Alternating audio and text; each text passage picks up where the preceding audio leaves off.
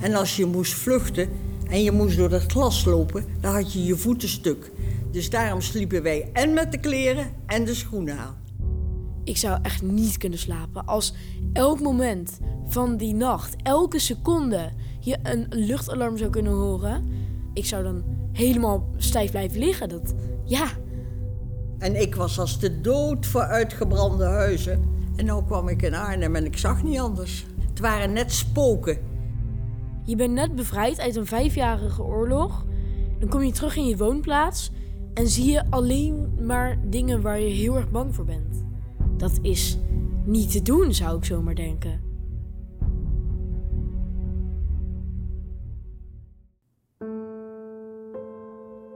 Je luistert naar de podcastserie Ik Kom Terug. Waarin je verhalen hoort van de ruim 100.000 mensen die de slag om Arnhem hebben meegemaakt. In 1944 moesten ze hals over kop hun huis verlaten. Niemand wist waar naartoe of voor hoe lang.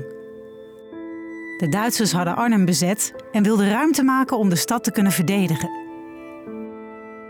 Mijn naam is Linda Geerdink en ik sprak 20 ooggetuigen met ieder een eigen litteken. En omdat vrijheid niet vanzelfsprekend is, geven we hun verhalen door aan de jeugd van nu. In deze aflevering het verhaal van Thea Bouwhuis uit Arnhem door de ogen van de 11-jarige Levi. Samen met illustrator Hester van der Grift maakte Levi een tekening voor Thea. Ik ben Levi ik ben 12 jaar en ik woon in Ede. Ik vind het een hele eer dat je hier bent, want je bent de kinderburgemeester van Ede. Ja, dat klopt. En waarom wil de kinderburgemeester van Ede zo graag meedoen aan dit eh, project? Eh, nou, ik vind het heel erg mooi om dit verhaal ook in het echt te mogen horen. En ik ben vaak bij de luchtlandingen in Ede geweest en ben ook erg geïnteresseerd in de Tweede Wereldoorlog. Tijdens de evacuatie vluchtte Thea Bouwhuis als 13-jarig meisje van Arnhem naar Velp en daarna naar Ede. Haar moeder had maar heel weinig ingepakt. Het was maar voor een paar dagen, had ze gezegd. Thea hield haar belevenissen bij in een dagboek waaruit ze nu voorleest aan haar kleinkinderen. Dit is het dagboek, Ja, een papieren dagboek, versleten ook, met potlood ingeschreven. ja, Prachtig dat dat bewaard is gebleven. ja. Dat heb ik altijd, met alle huis, verhuizingen neem ik het helemaal mee. Ja, Met uw leven bewaakt. ja, ja. Heb ik bewaard al die tijd, ja. Zou je daar een klein stukje uit kunnen voorlezen? En ja, dan heb ik, ja, kan ik daar niet meer uit lezen, maar ik heb het uitgeschreven. Die begon op de eerste dag, dus dat de Engelsen kwamen. Zondag, de 17e september 1944. 9 uur. Vader was het eerste op. Opstaan, jongens, het is mooi weer. De Engelse vliegtuigen komen zo weer. We zitten aan het ontbijt en meteen al luchtalarm. De hele dag is het alarm geweest. Viermaal is het aan en afgeblazen. Bij de vierde maal zijn er bommen gevallen op de Hoflaan. Ernst Casimirlaan, Prumelaan en er is vreselijk geschoten uit de vliegtuigen. Ik weet dat mijn vader en zijn broer op het dak gestaan hebben en dat ze er bijna afgeschoten werden door de Duitsers. Dus die hebben gezien dat die, echt die parachuten naar beneden kwamen. Maar wij achter de huizen konden dat niet zien, omdat wij laag stonden natuurlijk in de tuin. Dus ja, dat heb ik echt niet zelf gezien dat ze naar beneden kwamen. Alleen van horen zeggen dan. De slag om Arnhem was nog maar net begonnen of jullie gingen de schuilkelder in. Wat kunt u zich daar nog van herinneren? Nou, dat we zaten daar in die schuilkelder. En toen was er een bombardement op de Hoflaan. Want ze gingen alle kazernes bombarderen, de Engelsen. Dus de Willemskazerne in de stad, die was eh, geraakt, die stond in brand. Maar de Saxe, de Menno van Koehoorn bovenaan de Hoflaan, die werd niet geraakt, maar de huizen eromheen werden geraakt. Dus de hele Hoflaan, die was met bommen. En die mensen die vluchtten allemaal naar onze straat toe. En omdat wij, mijn vader van en zijn broer van de EHBO waren, kwamen ze bij ons thuis in huis te zitten. En mijn vader heeft die mensen allemaal eh, verbonden. En wij zaten in de schuilkelder. Wij wisten niet dat mijn vader in de keuken de, mensen eh, verbond. En toen kwam er een mevrouw met de dochter en de man. Die kwamen bij ons in de schuilkelder zitten.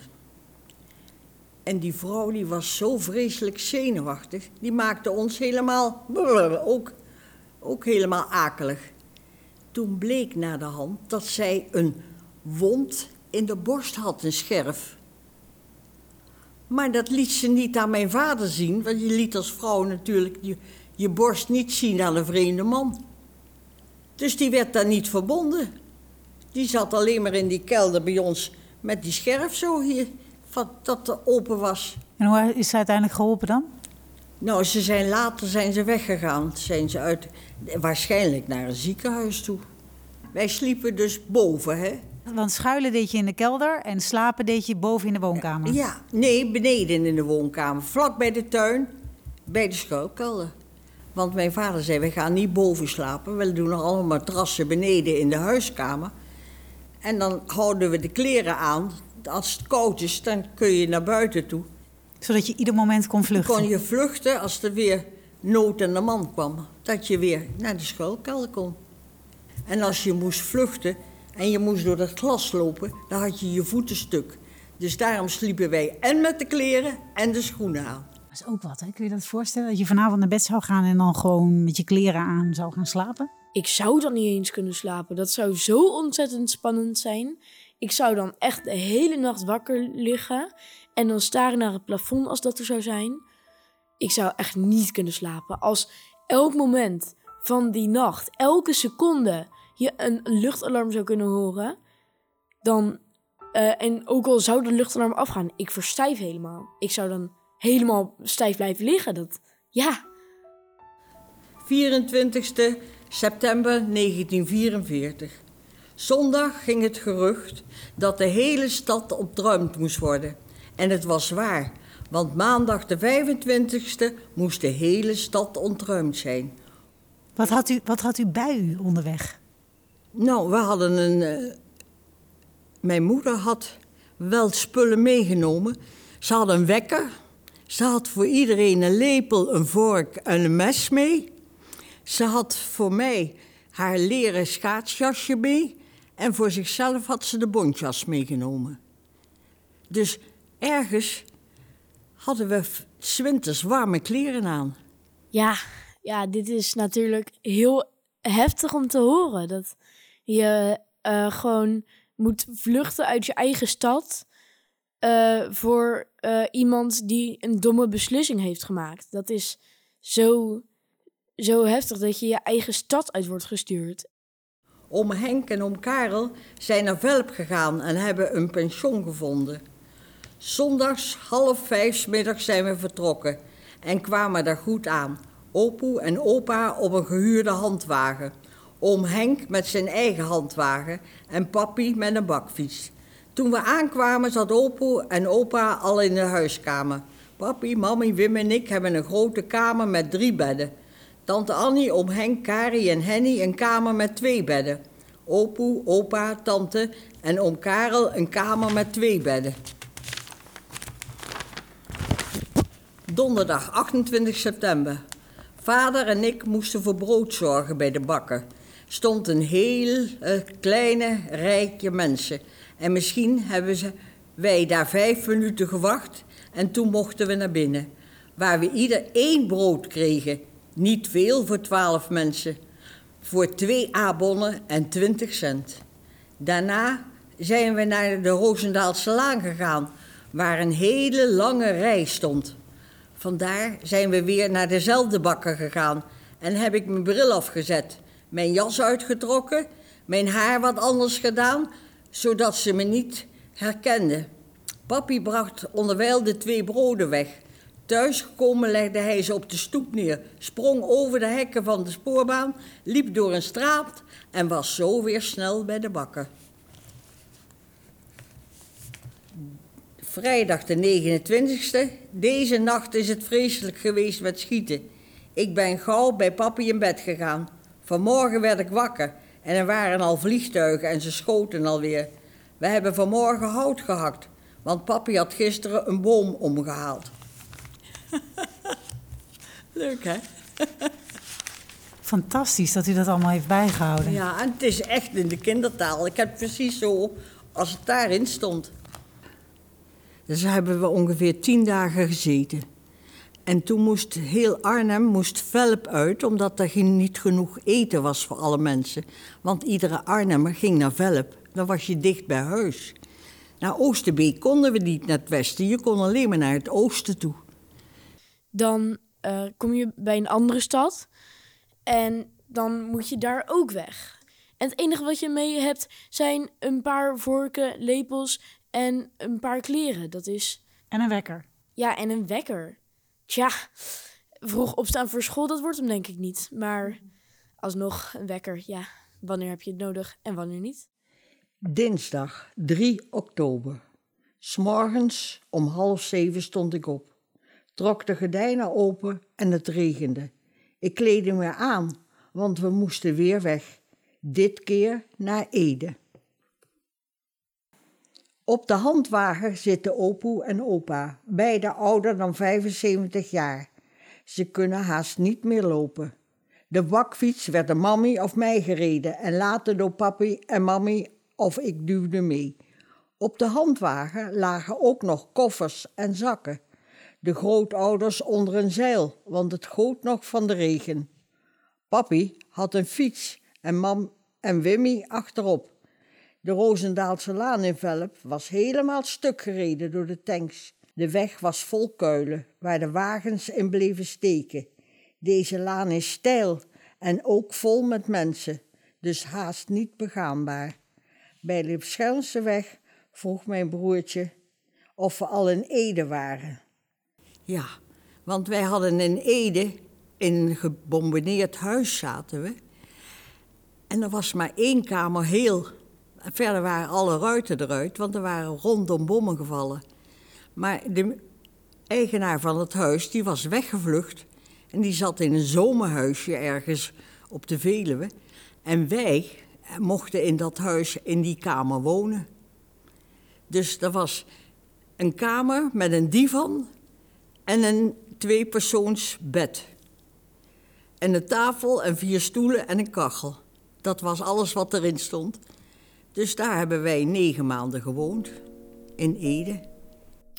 Ja, als je in een heel huis zit en je hebt maar één kamer en de rest is helemaal gebombardeerd. Uh, en je moet de hele dag met z'n allen in één zo'n kamer zitten. Dan ga, denk ik dat je ook wel elkaar een beetje met elkaar gaat zitten vitten. Want de hele dag maar in één kamer zitten, dat kan je ook niet heel veel doen. Uh... Hier staat op 10 oktober. Vanmorgen vroeg voor het eten heb ik nog hout gezaagd en gehakt. Na het eten zijn we de overweg overgegaan, de hoofdweg door naar het distributiekantoor voor een schoenenbon voor Kari. De uitslag was dat we na een paar dagen terug moesten komen voor een formulier die ingevuld moest worden en weer naar het kantoor gebracht moest worden. Daarna krijgt men de schoenenbon, want vorige week was er misbruik van gemaakt. Toen kreeg men de schoenenbon direct mee. En hoe kwam je aan eten? Zelf de boer opgaan. Dan moest ik lopen, eerst met mijn moeder samen. Want mijn broertje was zes, die kon niet zo ver lopen nog. En dan ging ik helemaal naar Ede-Noord, de kant van Lunteren uit, door het dorp heen. En staken we de Amsterdamse weg over en dan ging je daar, kwam je in het boerenland terecht. En dan ging je langs de boeren en dan ging je vragen, heb je wat tarwe te koop? Heb je wat sla te koop? Heb je groenten te koop? Heb je soms een voerbied voor ons? Of heb je voor mij een boterham? Nou, zo gingen we vragen. En toen kwamen we bij een heel klein boerderijtje uit. En dan mocht ik iedere week komen en dan kreeg ik een liter melk. En ik mocht mee eten met die mevrouw. Wat mooi. Mooi, hè? Mijn ouders zijn er heel vaak geweest na de oorlog nog. Maar ik kan het niet meer terugvinden, want Ede is zo uitgebreid. Ik, ik weet de weg niet meer daar. En u kroop iedere nacht op de divan? Ja, en dat is zo plat en dan zo hoog omhoog. Dus ik moest alleen maar op dat onderste stuk liggen. En op een zeker moment moesten de mannen zich ook gaan melden. Ja, alle mannen van Ede moesten zich aanmelden om loopgraven te maken. In, uh, ja, daar Wageningen en, en Bennekom en die kant heen. Bij de rivieren ook, ja. Uw vader ook? Mijn vader ook. Maar mijn vader had vreselijke astma. En die zei: Ik kan dat scheppen niet meer doen. Dat is me veel te zwaar. Dus die moest toen op kantoor gaan zitten. Want die mannen die kregen uitbetaald toch. Heel gek. Ze kregen geld voor het scheppen, terwijl ze ja, eigenlijk gevangen genomen waren. Maar ze moest, en dan moest mijn vader moest dat uitbetalen. Heel gek. Maar ja, hij, hij deed natuurlijk ook dingen. Want hij kon goed Duits, hij verstond ook dingen. Dat gaf hij weer door aan de ondergrondse. De nacht voor de bevrijding zaten jullie in een schuilkelder in de tuin. Ja. Wat gebeurde toen? Ja, je hoorde het in de verte het schieten van de, van de kanonnen, denk ik. Hè? En dat kwam vanaf Westervoort kwamen ze naar, naar Arnhem toe. En dat moet voor die mannen een vreselijke ervaring geweest zijn in zo'n lege stad te komen. Die kwamen in een lege Arnhem, kwamen ze. En toen gingen ze door naar uh, Ede toe. En dat waren de Royal Welsh Fusiliers. En toen zegt iedereen, dat kan niet. Maar ik heb ontdekt dat het wel kan, want die waren een onderdeel van de Canadezen. Die hadden, die hadden zich daar opgegeven, die woonden misschien in Canada, maar ze waren toch uit Wales. Maar hoe ging de bevrijding zelf, Thea? Ineens zagen wij, we, hoorden lawaai en we gingen naar buiten kijken. En er kwamen allemaal tanks en auto's eraan. En jeeps en grote vrachtwagens. Er werd eigenlijk niet geschoten. Maar verderop, als ze naar de richting Venendaal gingen, daar werd wel geschoten. Dus toen kwamen er ook gewonden terug naar Ede, die in Ede weer verpleegd werden. Maar werd er geroepen, we zijn vrij? Wat, wat gebeurde er? Nee, eigenlijk was je gewoon te veel verbaasd, denk ik. Te veel indrukken, denk ik. Heel moeilijk. Uh, als je gewoon vijf jaar in oorlog zit en dan merk je ineens dat je vrij bent. Dat je niet meer s'avonds met spanning in bed hoeft te liggen dat elk moment een luchtalarm af uh, kan gaan. Dat is eigenlijk gewoon echt een toppunt. Dat is gewoon dat je denkt van oké, okay, nu is het goed. Nu is het klaar. Het is af, het is gedaan. Maar blijkbaar konden ze het niet eens geloven zelf. Nee, dat is natuurlijk zo heftig. Want je bent natuurlijk vijf jaar in oorlog. Uh, en dan ben je natuurlijk helemaal gewend dat het eigenlijk niet kan. Dat alles bezet is. Dat, ja, dat Duitsers, Duitsers overal zijn. Dus ik snap het ook wel dat je het eigenlijk niet kan geloven. Maar ik denk, als ik dat zelf zou meemaken, dat ik dan wel uh, gewoon even tijd nodig heb. Maar dat ik daarna wel zou beseffen van, hé, hey, maar nu ben ik gewoon vrij. Gingen jullie direct terug naar Arnhem? Nee, nee, want mijn vader moest eerst naar het gemeentehuis. Omdat hij naar Arnhem moest, moest hij een vergunning krijgen dat hij naar Arnhem mocht. En toen moest hij zich in Arnhem melden bij uh, Regina Pases. Dat was toen nog een school. En daar zat het noodgemeenteziekenhuis in. En daar moest hij zich melden en dan kreeg hij een paspoort dat hij de stad in mocht. Want iedere invalsweg naar Arnhem toe was afgezet. Daar mocht je niet in. Natuurlijk voor gevaarlijke dingen, dat ze boobytracks in de huizen nog konden liggen of, hè, of andere dingen wat gevaarlijk was. Dus je mocht alleen maar naar huis toe als je zo'n pas had. Toen kwam hij terug. Toen is hij weer in hetzelfde pension geweest in Velp, waar hij was. Want hij bleef in Arnhem. En wij bleven in Ede. Hij is dus in mei naar Arnhem gegaan. Heeft het huis schoongemaakt. het dak dichtgemaakt, de keukenraam weer netjes gemaakt. Hè, de keukenraam voor, de, voor dat raam gezet, dat we dicht waren in de keuken.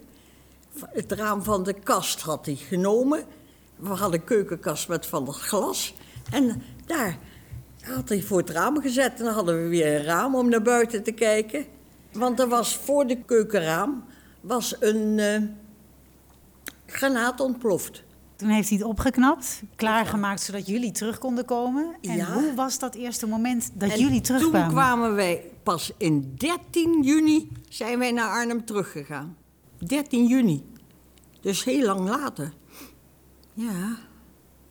Want hij kwam ons ophalen met een paard en wagen. Maar dat paard, dat was geen, geen auto's gewend. En de Engelsen die reden met grote auto's over de Amsterdamse weg naar Ede. Dus bij iedere auto ging dat paard bijna stijgen. Dus die kwam ons ophalen met dat paardenwagen en met spullen erop. En zo zijn wij teruggegaan naar Arnhem. En wat zag je om je heen? Was het hetzelfde? Nee, en ik was als de dood voor uitgebrande huizen. Want ik had de Schouwburg in brand zien staan als kind zijnde. Oh, dat was zo eng, al die vlammen uit die ramen, dat wij gewoon bang, dat ik gewoon bang was voor uitgebrande huizen. En nu kwam ik in Arnhem en ik zag niet anders. Dus daar moest ik heel erg aan wennen. Ja. Ja, en al die kapotte huizen, die natuurlijk allemaal... Het waren net spoken. Als je zo'n huis ziet wat helemaal uitgebrand is... dan is het net als je allemaal aankijken met die ramen. Dat is heel eng. Vooral als het donker wordt, ja. Een lift, straatverlichting was er natuurlijk na, na de oorlog ook niet meer. Dat was ook allemaal kapot. Je bent net bevrijd uit een vijfjarige oorlog. Dan kom je terug in je woonplaats en zie je alleen maar dingen waar je heel erg bang voor bent. Uh, allemaal starende ogen, zou ik maar zeggen. Dat lijkt me zo eng. Ik zou, ik zou echt de hele tijd mijn ogen dicht doen. Dat is niet te doen, zou ik zomaar denken. Hoe hebben jullie je leven toen weer opgepakt? Heel moeilijk. Mijn schoolboeken waren allemaal nat. Die heb ik allemaal liggen drogen en bladzij voor bladzij opengemaakt. Die stonken ook van het water. En ik heb daar toch mee leren lezen en alles weer af, eh, op de hogere school. Want toen moest je zelf de boeken kopen. En die hadden we allemaal gekocht. En ik zat net in de, in de brugklas, dus ja. Dan moest uh, moesten we proberen die boeken weer goed te krijgen. En toen ben ik in september weer naar school gegaan. Op Willemsplein, waar nu de vijver is, daar was de HBS-A was dat, de talenkant. En daar was, s morgens zat de HBS erin, HBS-A, en wij zaten er smiddags in. Twee scholen dus in één gebouw. Nu staat dit hele dagboek vol met verhalen. Ja. Die leest u ook voor aan uw kleinkinderen? Ja, ja. En aan de kinderen hier in de klas. Ja. Waarom? Hè? Waarom? Nou, dat ze moeten weten dat zij zo verwend zijn tegenwoordig. Dat wij moesten werken, alles. En eten in de rij staan. En eten zorgen, dat je dat kreeg. Hè? Bij de boeren gaan vragen voor eten. En opletten als er ergens een dorsmachine stond. Want als er een dorsmachine stond, dan werd er gedorst. En dan kon je misschien tarwe krijgen. Maar u wilt ze bijbrengen dat niet alles vanzelfsprekend is? Dat niet alles vanzelfsprekend is. En als je aan de kinderen vraagt, nu op dit moment, wat zou jij meenemen als je zou vluchten? Dan zeggen ze, telefoontje. Ik zeg, en hoe laat je die dan op? Oh ja, ja, nee. Ja, dat gaat niet. En dan zeggen ze, oh, een tandenborstel. Dat is dan ook wel nog, nog wel handig dat ze dat zeggen. Wat zou jij meenemen? Ik zou denk ik, als het in de tijd van nu zou zijn, zou ik wel mijn telefoon meenemen. Uh, want dat is gewoon handig voor communicatie. Stel je wil, uh, moet nog ooit iets communiceren. Uh, dan heb je in ieder geval iets om dat mee te doen. En ik zou eigenlijk zoveel mogelijk kleren meenemen als mogelijk is. want stel dat je dan een keer in kleren valt op de weg naar een stad dan heb je tenminste nog iets nieuws. En wat ik ook zou meenemen, ja, bestek en eten, denk ik. Want dat is eigenlijk wat je nodig hebt om te overleven. Wat had u nog na de oorlog? Niks. Al mijn speelgoed was weg. Ja, ik had mijn schaatsen nog. Die lagen in de kelder in een hoekje, in een donker hoekje, en die hadden ze niet gezien. Maar dan had ik wel schaatsen, maar ik had geen schoenen. Dus toen heb ik van mijn tante een paar jongensschoenen gekregen en daar hebben we ze onder gemaakt. Verder was het hele huis leeggeroofd. Geen bedden meer, geen tafels, geen stoelen, geen kleden, niets meer. Ik kan me voorstellen dat dat als kind verschrikkelijk is. Ja, als je speelgoed weg is. Ja. Heel gek is dat. Daarom ben ik nou heel zuinig op de beren die ik heb. Ik spaar beren. Zit er nog eentje bij van toen? Ja, nee, niks meer. Nee. Nee. Niks meer. Nee. Ik denk dat kinderen zeker eh, als ze dit luisteren ook geïnspireerd worden om ehm, eh, er eigenlijk iets meer interesse in te tonen en eigenlijk ook te ontdekken hoe erg dat eigenlijk was in die tijd. Nu heb je al deze verhalen gehoord, of al deze fragmenten uit haar verhaal. Wat ga je tekenen?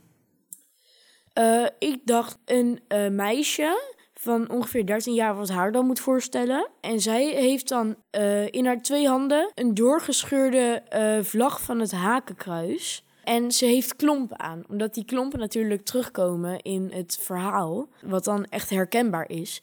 En natuurlijk een doorgescheurde vlag, omdat ze zijn bevrijd. Eh, zo zat ik een beetje te denken.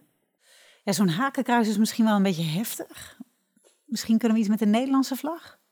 Dat is eigenlijk wel een heel goed idee, want anders dan is het misschien een beetje een negatieve uitstraling van het bord. Het is eigenlijk, denk ik, inderdaad wel veel positiever om een Nederlandse vlag erin te verwerken, want je bent natuurlijk bevrijd. Dus dan ga je niet met een hakenkruisvlag rondlopen, inderdaad eerder met een Nederlandse vlag boven je hoofd. Ik zie het voor me. Jij, Hester? Ik ook. Ik hoor hier een eh, echte striptekenaar. Alleen, ik, ben, ik vind zelf dat ik niet het- het beste kan tekenen, dus ik heb, Nou. ik heb denk ik nog wel hulp nodig. Maar jij denkt heel beeldend. Je hoort illustrator Hester van der Grift. Zij helpt Levi bij het maken van de tekening en dat doen ze op een bord. En ik vind het verhaal van die, wat ze zelf vertelt, hè, die huizen, alsof het gezichten zijn, vind ik ook heel mooi. Dus ja, we kunnen dat allebei doen, toch? Ja, dan eh, misschien dat meisje met die vlag en de klompen aan. eh, en dan die huizen op de achtergrond. Ja, Ja, ehm, ja waarmee zou ik beginnen? ik zou gewoon huizen? beginnen met het meisje eerst op het bord. En dan Ja. kan je eh, de huis, kan je er straks zo een beetje achteraan. eh. Kijk, en wat wel handig is, als je bijvoorbeeld dit even onder je hand of onder Oh, je ja. mouw houdt. Hè, dan zit je niet met je hand op dat bord. Ik denk dat ik ongeveer hier moet beginnen. Ja. Met hoofd. Ik heb geen idee hoe Thea eruit zag. Jij? Nee. Dit is ze. Maar dus wel blond haar en een beetje slag in de haren. Dat is een scheidingje. Veel meisjes hadden dus ook haar. Mhm. Zo. Eh, en dan blauwe ogen natuurlijk. Oh ja. Dan ga ik dat met deze doen. Ja, deze is mooier. Echt Nederlands meisje. ja. Ja, of althans van toen, hè. Rood dan voor de mond. Nou, ze is nu wel blij. Uh ja, dan het haar. Dat was dan een beetje blond. Ja, heel blond, ja. Ehm, oh, andere. Ze heeft niet te lang haar, hoor. Ze zat echt net onder de oortjes. Oh nee, dit. Ik vind het zelf helemaal niet mooi. Maar... Heel veel meisjes hadden zo'n bobje. Zo, net onder de oortjes. Oh ja. Ja, dat was vroeger. En de handen. Had ik deze volgens mij? Zo, de handen zijn heel mooi. Ja, nou, echt wel eh, gedetailleerde handen. ja. Ja. Ehm, en dan de benen. Ja. Nou, prachtig. ik ben niet de beste kunstenaar. Als we maar zien wat je bedoelt. Mhm. Dat is het leuke van tekenen, hè? dat er helemaal geen wetten zijn. En dan de vlaggenstok. Doe ik deze kleur. Oké. En die doe ik dan een beetje hier. Dan heb je dat huis mooi op de achtergrond. Mhm. Oh nee, nu heb ik hem niet wapperend gedaan. Nou, maar dat is ook niet erg. Het past eigenlijk wel bij je tekening om hem zo strak te houden. Het is gewoon windstil. Ja, je hebt, een, je hebt een beetje, ook een beetje, je hebt haar ook wel een beetje statisch. Oh ja. Dus dat past wel. Zo. Mooi. Hè? Top. Mooi vlaggetje. Ja, nu nog Super. het huis. Ja, nu nog het huis. Zal ik dat dan met bruin doen? Want bakstenen. dat, Ja. eh, Het hoeft ook niet zo groot, hè, dat huis. Het mag Mhm. ook best wel een beetje, weet je, dat is grappig aan zo'n tekening. Dat je niet per se eh, alles eh, in perspectief hoeft. ehm, Ja, zo zag je er ongeveer uit, hè? ja. Ja. Vergeet niet de ogen. hè? De gaten. Oh ja. Ja, die, eh, die lege ramen? Anders moet je eigenlijk ook, dus kun je die ramen misschien een beetje sneu laten kijken. Ja, hoe zou je dat kunnen doen? Ja, zo, door ze een Oh, beetje ja. zo te tekenen. Zo. oh. Je kan er ook nog een, een wenkbrauwtje bij doen. Mhm. Zie? Oh ja. Zoiets? Mhm. Is er nog iets wat jij aan tekst erin kwijt wil? Of op de rand, of hier, of je naam? Of een, eh, een spreuk? Ehm, ik zou mijn naam er wel op willen zetten of een handtekening, kan dat? Mhm. Ja, dat zou ik doen. Zou ik dat dan hier doen? Ja, bijvoorbeeld. En dan doe ik hierboven van Levi voor Thea. Ja. Zo. Hoe? Dat is een monumentale handtekening, zeg. Ja. Dag. Dat is wel echt burgemeesterwaardig, hè? Is hij af? Ja, hè? Ja, ik denk het wel, ja. Zou Thea zich erin herkennen, denk je? Ik hoop het vooral. Ik eh, weet het eigenlijk echt niet, maar ik hoop het. Levi kan het haar zelf gaan vragen. In het Openluchtmuseum gaan jong en oud elkaar namelijk voor het eerst ontmoeten. Daar zal Levi het kunstwerk aan Thea overhandigen. Kom naast jou zitten. Ja, is goed. Vind je dat leuk? Ja, Naast de zeker. oude oma. Nou, dit is ze dan, Levi. Ja. Nou, ik ben dus Levi. Levi, ja. Ik heb een achterneef, die heet ook Levi, van een tweeling. Oh, echt? Ja, Bijzonder. en ik ben Thea Bouwhuis. Ja. Dat is mijn meisjesnaam. Oké, mooi. Bijzonder om haar in levende lijf te ontmoeten. Ja, wel natuurlijk. Want eh, ik heb ook al eerder natuurlijk voor de podcast opgenomen. Ja? En toen had ik ook al over u gehoord en ook al een stukje eh, uit eh, het interview met u. Ja. Dus dat is wel eh, ook eh, mooi om u nu echt in levend lijf te ja. zien. En weet je waar ik woon? In het Elisabeth Gasthuis. In het oude ziekenhuis waar we alle militairen ge- gewonden naartoe gebracht werden. Oh, In, echt? in 1944, ja. Oh, dat is wel heel erg mooi. Ja, ja. Nu heeft Levi iets voor u gemaakt aan de hand van uw verhaal. Ja, En dat is hier. Levi, misschien kan jij even vertellen wat je precies hebt gemaakt en wat je idee daarachter was. Nou, ik heb dus een eh, bord voor u gemaakt. ja, Eh, en dat is dus het verhaal erachter. Ja. Is eh, dat toen u terugkwam in Arnhem, dat eh, alle huizen verbrand waren en dat ze u soort als spoken aankeken. En dat heb Ja. ik geprobeerd na te maken. ja. En ik heb eh, geprobeerd u te maken toen u nog jong was, zeg maar. Ja, toen had ik ook blond haar, dus Ja. dat klopt precies. En eh, eigenlijk wou ik nog klompen maken, want ik ben natuurlijk op klompen eh, geweest. Ja, ja. En de vlag van Nederland, want Nederland heeft overwonnen. Daarom ben ik zo trots als je ergens die Nederlandse vlag ziet. Want die mochten wij niet uithangen in de oorlog. Oh, niet echt. Nee, dan mag je geen rood, wit, blauw doen, want dat is de Nederlandse vlag. Dus toen had ik ook geen kleren na de oorlog. En toen hebben ze van de blauwe baan hebben ze een rok voor mij gemaakt. Echt? Ja, Dat is wel heel erg mooi. En wat vindt u ervan, Thea? leuk, heel leuk. En ook dat het huis zo... Eindelijk had je nog een stuk van het dak kapot moeten maken. Oh ja, natuurlijk Er ja. had wat een granaat ingeslagen. Oh, Want echt? ons dak, daar zat een granaat. En hier was onze keuken. Was ook een granaat precies daarvoor weggeslagen. Of ingeslagen. Dus alle ruiten waren aan deze kant van het huis er ook allemaal uit. Oh. Dus was echt gewoon een hele granaat ingeslagen. Twee, één in het boven en één beneden. Maar het ergste was dat de Duitsers alle huizen leeggehaald hebben. De meubels. Dus er stond niks meer eigenlijk. Er was, we hebben geslapen op een stroozak. Oh, Dus gewoon een, een laken, dichtges- dichtgenaaid en dan stro erin en daar sliep je op. Dat was ons bed na de oorlog. oh dat is, eh, eh, lijkt me niet heel comfortabel. Nee, en wij kwamen in Arnhem aan. In, we hadden ge- eh, geëvacueerd gezeten, ge- gevlucht. Negen maanden. En toen kwamen we in juni terug. En toen was er s'avonds, moest er al een dokter bij mij komen. Echt. Omdat ik zo'n pijn in de buik had.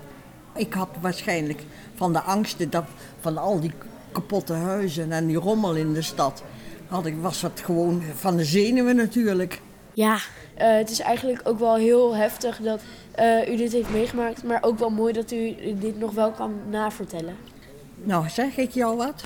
Als je nu 30 april in het Airborne Museum komt, smiddags op zondagmiddag, ga ik praten voor de mensen die er komen. Dus dan hoor je heel veel meer verhaal. Oké, ik zal het onthouden. ja, en dan heb ik ook al mijn foto's. En dan kun je alle foto's zien. Oh, dat lijkt me heel interessant. Ja, Dus jullie hebben een date? ja. Ja. goed hè? Heel goed. Leuk hè, dat, dat iemand dat voor je maakt. Heeft u nog een levensboodschap voor Levi?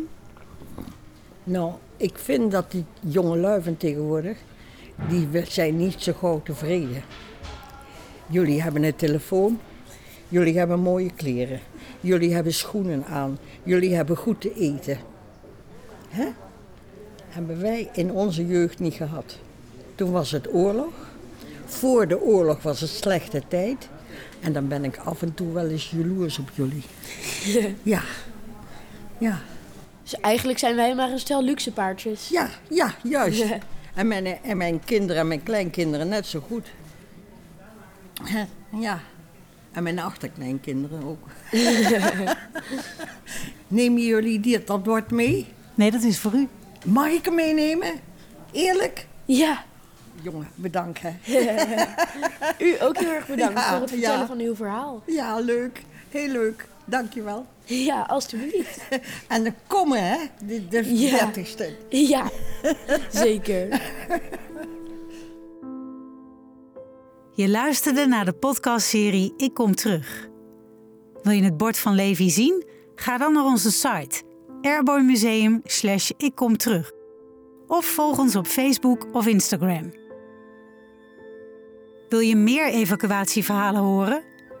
Luister dan nu wekelijks naar nieuwe afleveringen via je favoriete podcastkanaal.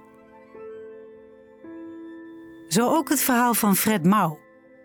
Als Joodse jongen van zes vluchtte hij samen met zijn ouders van Arnhem naar Apeldoorn. Daar konden ze onderduiken in een villa van een gedeporteerd Joods gezin. Nee, in die villa hadden wij geen, warmte. We hadden, kregen dekens van het verzet. Elke nacht kwamen die drie mannen ons eten en drinken brengen. Want we konden natuurlijk niet de deur uit, dat kon dus niet. En dat heeft geduurd vanaf, nou ja, zeg maar eh, eind september tot 1 december. Toen zijn we verraden, vermoedelijk door buren. Omdat ze mij als kleinkind in de tuin zagen. Eh, Ik zou, ik zou echt niet kunnen voorstellen dat mijn buren me dan verraden.